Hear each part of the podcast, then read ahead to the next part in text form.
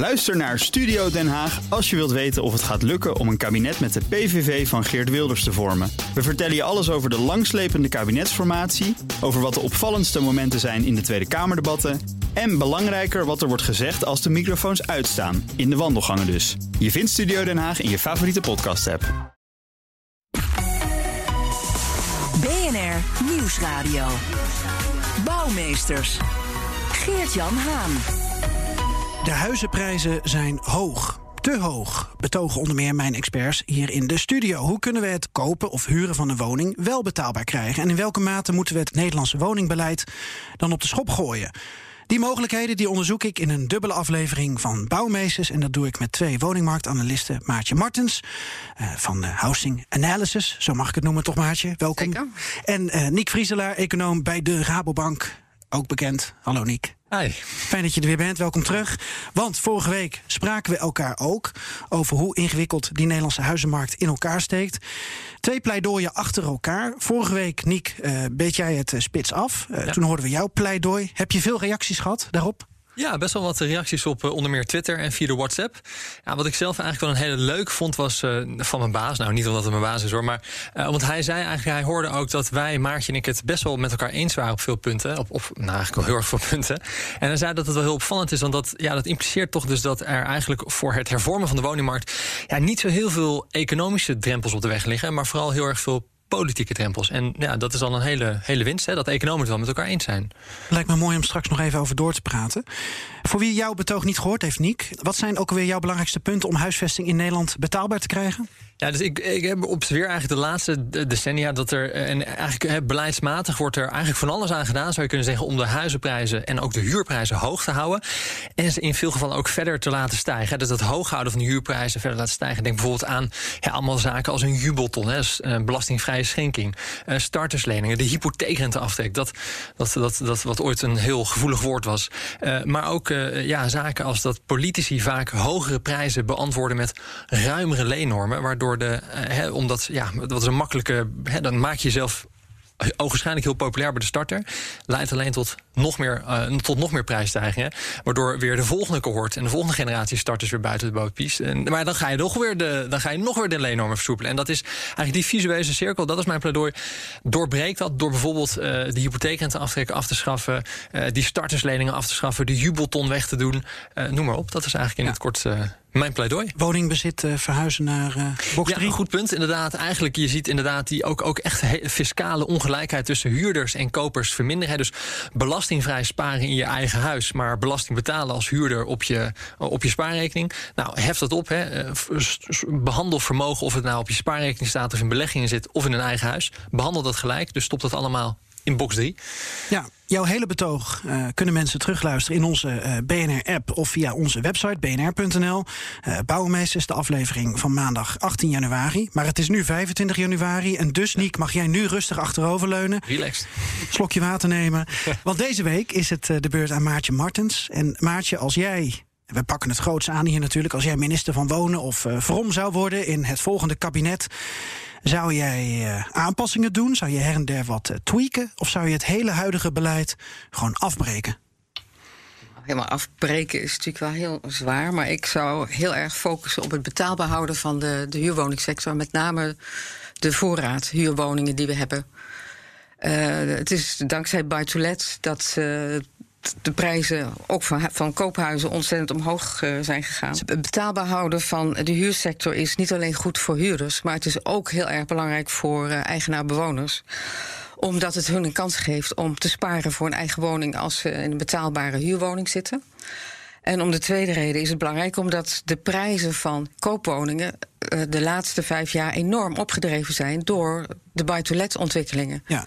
Dus op de opkoopbescherming zou ik heel erg voor zijn. Maar niet alleen opkoopbescherming, maar ook een. Het lijkt wel of de particuliere huursector, tenminste in de bestaande woningvoorraad, met name in de oude wijken in, uh, in de steden, een soort Wild Westen is geworden. De huren zijn vrij. We noemen het ook de vrije sector. Ja. Terwijl de koopsector is in feite ook een vrije sector. Ja. Dus, uh, de huren zijn uh, onbepaald. Wat een gekte voor geeft, mag gevraagd worden voor een kwaliteit die eigenlijk ook niet gereguleerd is. En dat leidt tot ontwikkelingen dat koopprijzen uh, in dat segment dusdanig hoog zijn. Dat, uh, dat het een algemeen probleem blijkt. Ook voor kopers, in, uh, voor, voor mensen die een eigen huis willen kopen. Ja. Dus niet alleen voor huurders, maar ook voor eigenaar-bewoners. Dus om even samen te vatten wat jij zo gaat betogen. als ik je goed begrijp, zeg je dus dat huurprijzen en koopprijzen eigenlijk met elkaar verweven zijn. En, en, en heel erg in relatie tot elkaar staan. Dus je kan niet voor de huursector iets bedenken ehm, zonder dat het effect heeft. Ook voor de koopsector. Precies. Ja.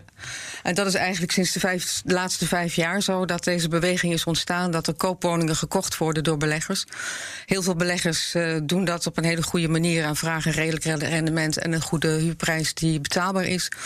Maar deze ontwikkeling is dusdanig dat er ook steeds meer nou, tussen aanhalingstekens cowboys uh, op deze markt komen. En met. Uh, hopen in hele korte tijd eh, voor heel veel, nou ja, gewoon heel veel geld te verdienen aan deze markt. Ja. Met alle gevolgen voor dien. En de oorzaak daarvan ligt natuurlijk voor een groot deel ook in het feit dat er ontzettend behoefte is aan huurwoningen. Er is een groot tekort aan huurwoningen. Deels ook omdat de koopwoningsector in 2008 in elkaar gedonderd is. Uh, en deels omdat er gewoon geen ander alternatief is in de sociale sector. En dit de enige mogelijkheid is voor heel veel mensen om uh, tijdelijk een woning te vinden. Maar het is niet, uh, het is niet duurzaam. Het, gaat, het leidt tot niets. Behalve tot wijken die snel veranderen waar gezinnen zich minder thuis gaan voelen, omdat er steeds meer wat dan heet passanten gaan wonen die daar een tijdelijke situatie uh, uh, gedwongen zijn om een tijdelijke situatie te, te vinden.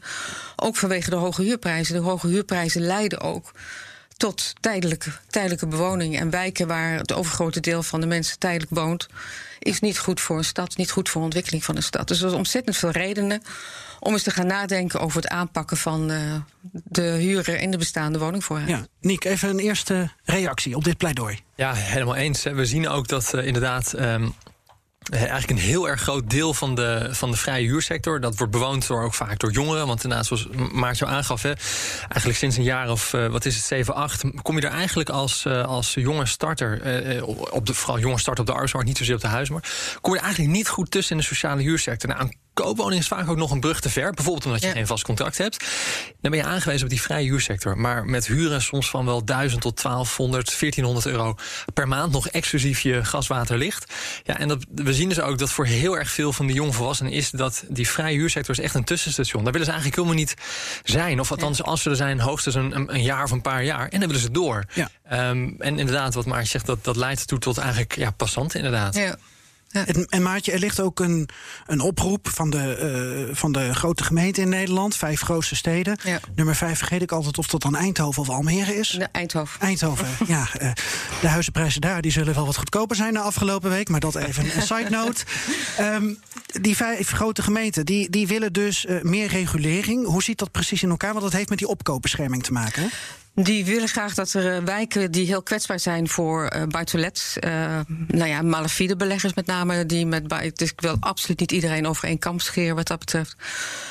Daar actief zijn om daar een opkoopbescherming te introduceren, waardoor het mogelijk is om te weigeren aan beleggers om uh, daar woningen te kopen. En dat deze woningen gereserveerd worden voor uh, eigenaarbewoners die, dat, uh, die daar kunnen wonen. En dat zou wel onderdeel van de hervormings, het hervormingsbeleid van minister Maartje Martens kunnen zijn? Dat zou zeker. En dat ook, nou, zij vinden dat Ollongren, die stelt het dan wel voor, maar, maar voor drie jaar. En dat is veel te kort om, ja. om werkelijk iets te betekenen voor deze wijken. Ja.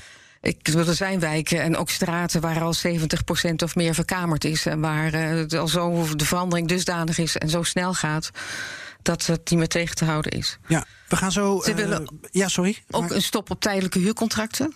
Want dat is een heel belangrijk punt, ook in de problemen die uh, de, de, de, nou ja, de vrije jongens, de, het Wilde Westen in de, in de vrije huursector, zijn ook de tijdelijke huurcontracten. Het is onlangs onderzocht en de steekproef blijkt bijna de helft van het aantal verhuringen in de particuliere huursector minder dan twee jaar te zijn.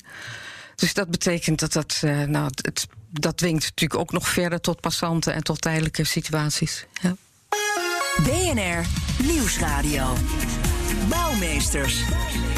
Geert-Jan Haan. Ja, bouwen, bouwen, bouwen. Dat horen we heel veel. Van alle maatregelen die we kunnen nemen om de woningmarkt betaalbaar te maken, staat bouwen, bouwen, bouwen bij velen op één. Maar Maartje Marsne, Martens van Housing Analysis. ehm, staat het ook bij jou op één? eh, het welbekende mantra om de huizenmarkt te hervormen. Nou, het staat zeker op één, maar ik weet ook dat dat op korte termijn geen zoden aan de dijk legt. Want het, bouw, het beginnen van een eh, initiatief tot bouwen leidt tot een, een concreet resultaat over 7, 8 jaar, of soms nog langer. In de huidige situatie in ieder geval. Dus dat lijkt mij niet goed. Het lijkt me veel belangrijker om in de tussentijd, en de tussentijd is die periode, ervoor te zorgen dat er betaalbare woningen blijven in de woningvoorraad, waar heel veel mensen dan wel gebruik van kunnen maken. Ja. En daar ligt mijn prioriteit, Ja. wat dat betreft. Nu heb ik de, de vorige aflevering eh, jou ook kort aangekondigd als iemand die lang in Engeland heeft gewoond en gewerkt, onderzoek heeft gedaan. Eh, jij vindt het interessant om de grens over te kijken. Heb je ook op, op dit terrein, toen ik je vroeg om als eh, toekomstig minister je visie uit te kunnen spreiden, heb je, heb je een buitenlands voorbeeld waarvan je denkt van nou dat zou ook interessant zijn voor Nederland om eens te volgen op dit gebied? Nou, het Engelse voorbeeld zeker niet, want daar is de particuliere huursector totaal gemarginaliseerd. Dat is uh, als je een soort van uh, de tenure of last resort, zoals je dat dan noemt in het Engels, van als je nergens anders terecht kan, dan, dan, dan maar daar. Mm -hmm.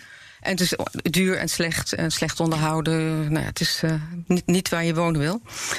Uh, ik ben wel bang dat als in Nederland niet iets gebeurt, dat wij die kant op gaan. Ja. Dat dat een uh, vergelijkbare okay. situatie wordt. Dat het onderhoud, de prioriteiten van de beleggers zit niet bij het onderhoud en de standhouding van oude huizen. Die zijn nu op, massaal opkopen. Maar in het zo uh, lucratief mogelijk verhuren daarvan. Dus dat... hoe kunnen we het dan voorkomen? Is er een ander voorbeeld waarvan je zegt van nou laten we daar eens um, heel geïnteresseerd naar kijken? Nou, het interessante van Duitsland is dat daar 50% van de woningvoorraad is particuliere verhuur. Maar ook daar is de. En het was altijd heel erg betaalbaar, de particuliere verhuur. Want daar was een koopwoningmarkt en eigenlijk eentje waar wij ook naar toe stevenen, denk ik, uh, op, uit, uh, op uit gaan komen. Uh, waarbij de. Die de mogelijkheid geeft om te sparen voor een eigen woning. Mm -hmm. Dus de huren waren erg betaalbaar, maar de uh, de particuliere woningmarkt is daar heel, in hele korte tijd ongelooflijk gegroeid. Door het feit dat particuliere beleggers, grote beleggers, sociale woningen, waarvan de, de, de sociale contracten waren afgelopen, um, konden opkopen.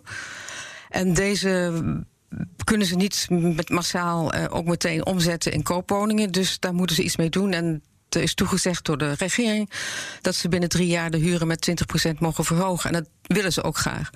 En daar komt heel veel verzet tegen. En dat betekent ook tegelijkertijd uh, snelle huurverhogingen, slecht, slecht onderhoud, slecht uh, mutatiebeheer, et cetera. En deze grote complexen. Wijken die snel veranderen. En een steden als Berlijn, waar ook uh, de, de, de, juppen komen en de, ja. de kunstenaars en de studenten en de gezinnen wegtrekken. Waar dan, dat vind ik dan wel een mooi voorbeeld. Berlijn heeft gezegd: dat willen we niet. We gaan de huren bevriezen. En we gaan uh, voor, alle, voor, voor, iedereen die daarom vraagt ook bekijken of de huurprijs die gevraagd is wel redelijk is voor de kwaliteit die wordt geboden. Ja. Dus er worden tienduizenden uh, woningen opnieuw bekeken. En er gaan uh, rechtszaken hier nog hier tegen. Maar het is wel, ik vind het een hele interessante casus om te laten zien dat kan wel. Nick Vrieselaar, vorige week hadden we het in jouw pleidooi over voorbeelden die volgens jou zelf uh, redelijk implementeerbaar zouden zijn in het Nederlandse beleid. Hoe, hoe luister je hiernaar? Ja, ik denk dat een, een, aantal van deze maatregelen zijn, dat kan ik me voorstellen, ook, ook op korte termijn best haalbaar. Hè. Er wordt ook in de politiek wordt al ook over nagedacht over nou, bijvoorbeeld het, uh, het dat, je, dat de huren elk jaar, uh, als, als dezelfde bewoner blijft zitten, nog maar mogen stijgen met de inflatie plus 1%. Nou, dat is in sommige gevallen, uh, in mijn eigen huurcontract bijvoorbeeld, is dat, was dat vaak inflatie plus 3%. Of, ja. of soms zelfs gewoon hè, wat, hè, wat, wat de verhuurder maar wil. Um, ja, da, dat zijn maatregelen die je in principe vrij snel zou kunnen nemen die ook hopelijk ook een, een heel, een, een, nou toch al een een beetje effect hebben om te voorkomen dus dat die huurprijzen verder oplopen.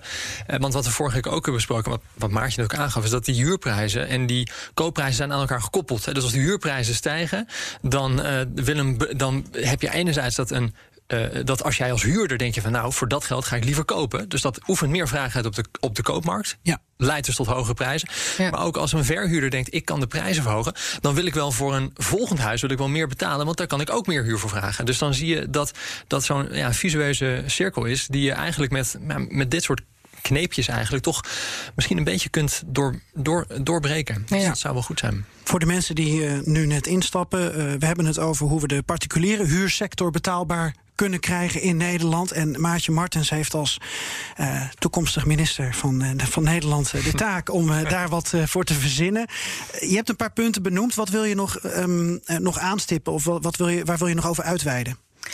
Ehm, nou, ik zou nog willen aanvullen ook dat er eh, een betere eh, bescherming zou mogen komen voor huurders in de vrije sector. En dat zij ook bij een huurcommissie eh, te raden mogen gaan als, als er problemen zijn met verhuurders. Want juist in deze sector zijn veel problemen met, oh, met nou, conflicten tussen verhuurder en huurder. Ja, dus ook niet te korte contracten. Denk nou na over Precies. een verlenging langer dan twee Ja. jaar bijvoorbeeld. En een algemene verhuurdersvergunning, dat is ook een van de punten die gevraagd werd door eh, de grote vijf gemeentes. Ja. Waarbij eh malafide verhuurders aangesproken kunnen worden op, eh, op, het, op hun praktijk. En ook eh, gedwongen kunnen worden om de huurders die zij hebben, dat ze zich gedragen. En eh, eh, dat geen overlast te bezorgen aan omwonenden en, en dat soort dingen. Want daar is ook, zijn ook heel veel problemen mee. En we kunnen het eventueel ook nog wel hebben over nou ja, wat voor soort nieuwbouw we dan wel zouden willen. Dat is natuurlijk ook een, eh, een punt. Oké. Oh, nou, ga ik even kijken of dat zo nog in de agenda past. Bouwmeesters. Open de deur naar een woning voor iedereen. Het pleidooi van DNB-directielid Olaf Slijpen in zijn economenblog. Ehm Maartje en Niek zijn nog even aan het eh, overleggen. Eh, Maartje, wat wil je nog aan Niek eh, vragen voordat we het hierover Nou, hebben? Of, of er nog punten waren over de woningvoorraad voordat we eventueel naar nieuwbouw. Nee. Nou, staatssecretaris Frieselaar, zeg het maar. Nee, ik denk dat, je, dat er heel veel punten zijn genoemd, inderdaad. En ik denk, eh, nou, ik denk eigenlijk, in de kern komt het een beetje op neer dat inderdaad bouwen, bouwen, bouwen, dat is. eh, kijk, eh, meer bouwen lost het woningtekort op, maar dat lost niet de hoge huurprijzen en de hoge koopprijzen op. En daar heb je aanvullend beleid voor nodig. En dat is op heel, veel, op heel veel plekken is dat ook op korte termijn te regelen. Dus je hebt eigenlijk op twee fronten heb je, heb je beleid nodig om die vraag te temperen. En natuurlijk om het aanbod te vergroten te bouwen. Maar dat is, ja, dat is eigenlijk waaronder de, puntje dus, de punten dus die Maartje heeft genoemd. Ja, Dus- nou zijn jullie, eh, eh, we zijn net begonnen in 2021, maar jullie zijn trendsetters. Want afgelopen week na onze eerste uitzending kwamen er steeds eh, meer blogs en artikelen over dit onderwerp. Namelijk hoe kunnen we die huizenmarkt ja, toch eigenlijk gewoon fundamenteel hervormen. En niet douceurtje met douceurtje behandelen. er was een pleidooi van Olaf Slijpen, die toch wel als een redelijk knappe kop bekend staat van, van de DNB. Eh, Maartje, volg jij zijn pleidooi voor de eigen woningsector? Want eigenlijk is het voor een deel eh, niet heel anders dan waar jullie tweeën hiervoor gepleit hebben. Absoluut. Hij is, dat doet de DNB al veel langer. Zegt van er moeten veel eh, strengere. eh hoe heet dat? ehm, leenvergunningen eh, komen voor de eigen woningsector. Het, wat we tot nu toe hebben gedaan, het verruimen daarvan, van de loan to value, loan to interest, eh et cetera. Daar moeten we mee ophouden. Door de af, afschaffen van de hypotheekrenteaftrek. En de jubelton heb ik zo niet over gehoord, maar ik, zou, nou, ik hoop dat ze er ook voor zijn. Ja, maar ik voel toch een maar. Maar- Ja, het maar zit hem in het feit, het gelijktrekken van koop- en huursector zit hem niet alleen in het gelijk behandelen van huurders en kopers. Maar ik denk dat daar de verhuurder in meegenomen moet worden. Want verhuurders hebben natuurlijk ook het een en het ander aan belastingvoordelen. Die, eh, die ook onterecht zijn. Bijvoorbeeld eh, geen, dat de huurinkomsten niet belast worden. Dat zijn natuurlijk ook eh, een heel belangrijk. nou ja, gewoon aspect wat ook meegenomen zou moeten worden in het gelijkschakelen van huur en kopen in, in deze. Ja. Klinkt als iets heel kleins, maar jij ziet het als een radar binnen het hele geheel. Ik denk het wel. Ik denk niet dat je alleen moet kijken van kopers en huurders gelijk schakelen, maar ook kopers eh, en verhuurders, eh, dus eigenaar, bewoners en verhuurders gelijk schakelen in, eh, in fiscale zin. Ja. Ja. Wat eh Niek aan het begin van de uitzending zei, dat hij van zijn collega een berichtje kreeg, zo van, eh, ehm, ja, ehm, goede opname vorige week. Eh, volgens mij hebben we het meer over politieke keuzes eh, dan over economische overwegingen, als je kijkt naar die hele huizenmarkt. Ja. Hoe kijk je daarnaar? Nou, het is waar. Ik bedoel, het is voor de economie niet goed als zo'n groot deel van inkomens naar, eh, hoe heet dat, daar verhuurders gaat, naar de woningsector gaat. Dat, zijn, dat, dat gaat allemaal ten koste van consumptieve bestedingen in welke andere sector je ook kan bedenken. Ja. En dat is ook de reden geweest eh, dat na de Tweede Wereldoorlog, en dat was natuurlijk een veel extremere situatie, maar er wordt vaak gezegd van nou, het, is, het woningtekort is net zo erg als toen. Nou, een aantal misschien wel, maar procentueel zeker niet. Maar ehm, toen werd ook gezegd van we moeten iets doen aan de prijsontwikkelingen, om de loonkostontwikkeling et cetera in toom te houden, maar ook ervoor te zorgen dat mensen uh, weet dat, ruimte over hebben om, uh, nou ja, om consumptieve goederen te kopen, om, om, om te kunnen wonen, om een huis in te richten. Ja, je moet er nog langs Ikea natuurlijk, ja. dus uh, als hij open is. Bijvoorbeeld. Ja. Um, Goed Nederlands bedrijf, zullen we zeggen. je moet ergens je, je tuintafel halen. Um, Niek, we hebben uh, uh, een aantal casus uh, doorgekregen van mensen die op zoek zijn naar een, naar een huis. Nou is het heel lastig om al die casus individueel te behandelen. hebben jullie ook van tevoren te bij mij aangegeven. Maar wat nog interessant is, is dat bijvoorbeeld als je kijkt naar, als je het over huren hebt, hè, um, dan wordt er best wel vaak, met name in, in grotere steden, om een, een inkomenseis gevraagd. Ja. Vier keer de maandhuur. Ja, dat is helemaal niet gek, inderdaad. Ja. nou ja, dat zeg jij nu, maar veel mensen lopen daar dan toch tegenaan. Ja zeg jij dan eigenlijk, als dat niet gek is, de maatregel aan zich is op zich prima, alleen past niet binnen dit systeem?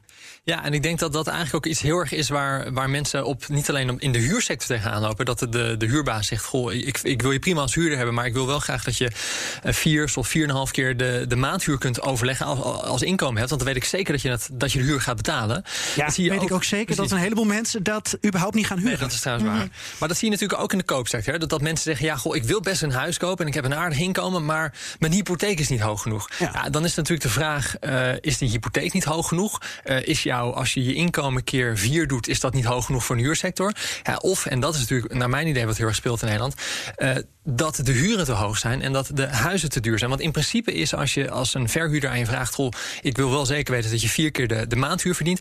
Dat is eigenlijk niet een hele gekke maatstaf. Dat is ook ongeveer wat je ziet in de hypothekenwereld. Hè, dat jij ongeveer vier tot vijf keer je inkomen kunt lenen. En dat wordt gedaan om, zodat je ook nog voldoende geld overhoudt voor andere belangrijke zaken. Zoals natuurlijk een aantal consumptieve uitgaven, maar ook gewoon dat je kunt sparen voor ja. Nou, die ene keer dat die, die spreekwoordelijke wasmachine kapot gaat. En ja, ja dus dat is eigenlijk niet zo gek. Het is vooral denk ik een probleem dat, ja, dat wie, uh, de, wat we net aangaven, de, de, de huren in de vrije sector zijn, ja. beginnen eigenlijk al bij zo'n 1000 euro per maand. Ja, wie verdient dat? Hè? Wie verdient vier keer uh, uh, 1000 euro per maand? Als je starter bent bijvoorbeeld, bijna niemand. Dus ja. Dus, ja, dus het is denk ik zelf een kwestie van te hoge huren en niet zozeer te strenge eisen. En als je het al betaalt, dan ga je er ook, blijf je er ook niet lang wonen. Want nee. het is gewoon een te hoog uh, aanslag op je Ja, dan wil je doorstromen. Dan, je alleen doorstromen. dan moet dat aanbod er dus weer zijn. Ja. Uh, Maatje, tot slot nog even die nieuwbouw waar je het over had. Nou ik wil nog even, even refereren aan het feit dat wij in Nederland eigenlijk een hele mooie traditie hebben voor subsidiëring, ook van particuliere huur. In het verleden gehad, premiehuurwoningen. En dat ging dan uh, naar bepaalde opdrachtgevers in de bouw. Dat konden ze de corporatiewoningen zijn, maar dat konden ook de institutionele beleggers zijn. Mm. En ik zou, als, als ik minister was, dan toch eens een keertje met deze pensioenfondsen in gesprek gaan. Van, ja. goh, kunnen we niet dus direct. Dit uh, komt in het verkiezingsprogramma? Ja, zou, zou dat niet eens direct uh, geïnvesteerd kunnen worden in uh, premiehuurwoningen? Of in, in, in, nou, desnoods met een premie, maar gewoon in particuliere huurwoningen. Ja. Die uh, in plaats van een hele ingewikkelde uh, indirecte constructie via vermogensbeheerders in de Verenigde Staten, die uiteindelijk hier weer in Amsterdam en in Den Haag de, uh, de bestaande woningen opkomen, opkopen met het verhaal van ja, dat is goed voor jullie pensioen. Ik kan me een directere manier voorstellen die, die beter functioneert. Ja, vroeger was alles beter. Of nou, sommige nee, dingen was niet per se beter. Nee, ik zeg, maar ik bedoel, je moet een 2.0 versie bedenken die nu, die, ja, die, dat gaat om vlak, meer flexibel plattegronden. Het gaat meer om door we weten werkelijk niet wat de woningvraag in de toekomst uh, kan ja, zijn. Ja. Maar duurzaam, uh, klimaatadaptief, et cetera, dat is wat uh, 2.0 is. Ja. En dat willen beleggers. Ze willen gewoon een uh, lange contracten, een uh, zekere huuropbrengst. En als je kwaliteit biedt voor een goede prijs, dan heb je dat. Woningbeleid in Nederland 2.0. Klinkt mooi. Dank voor jullie pleidooien. Uh, Maartje Martens, woningmarktanalist. En zoek haar op via housinganalysis.nl. .nl, ja. en Niek Frisselaar, die vind je bij de Rabobank Toren in Utrecht. Ja. Zonder eigen website. Um, nou, en ook ja. heel veel thuis. Heb je eigen website? Economie.rabobank.com. Oh, daar heb jij je blog niet mijn, Nee, niet mijn eigen website, maar dat is van onze afdeling... van het Economisch Bureau van de bank. Oké, okay, bedankt. Ik zie de gage wel uh, tegemoet. uh, tot zover BNR Bouwmeesters. Reacties op deze uitzending, tips en verhalen... stuur je naar bouwmeesters.bnr.nl... of via onze andere social kanalen. Deze uitzending en die van vorige week, want het is een tweeluik... kun je terugluisteren als podcast via de BNR-app en op bnr.nl. Aito. Ook Liesbeth Staats vind je in de BNR-app. Ja, heel handig. Luister live naar Kees en mij tijdens de Daily Move Dan blijf je ook gelijk op de hoogte van breaking news en het laatste zakelijke nieuws. En daar vind je ook alle BNR-podcasts, waaronder de Perestrooikast. Download nu de gratis BNR-app en blijf scherp.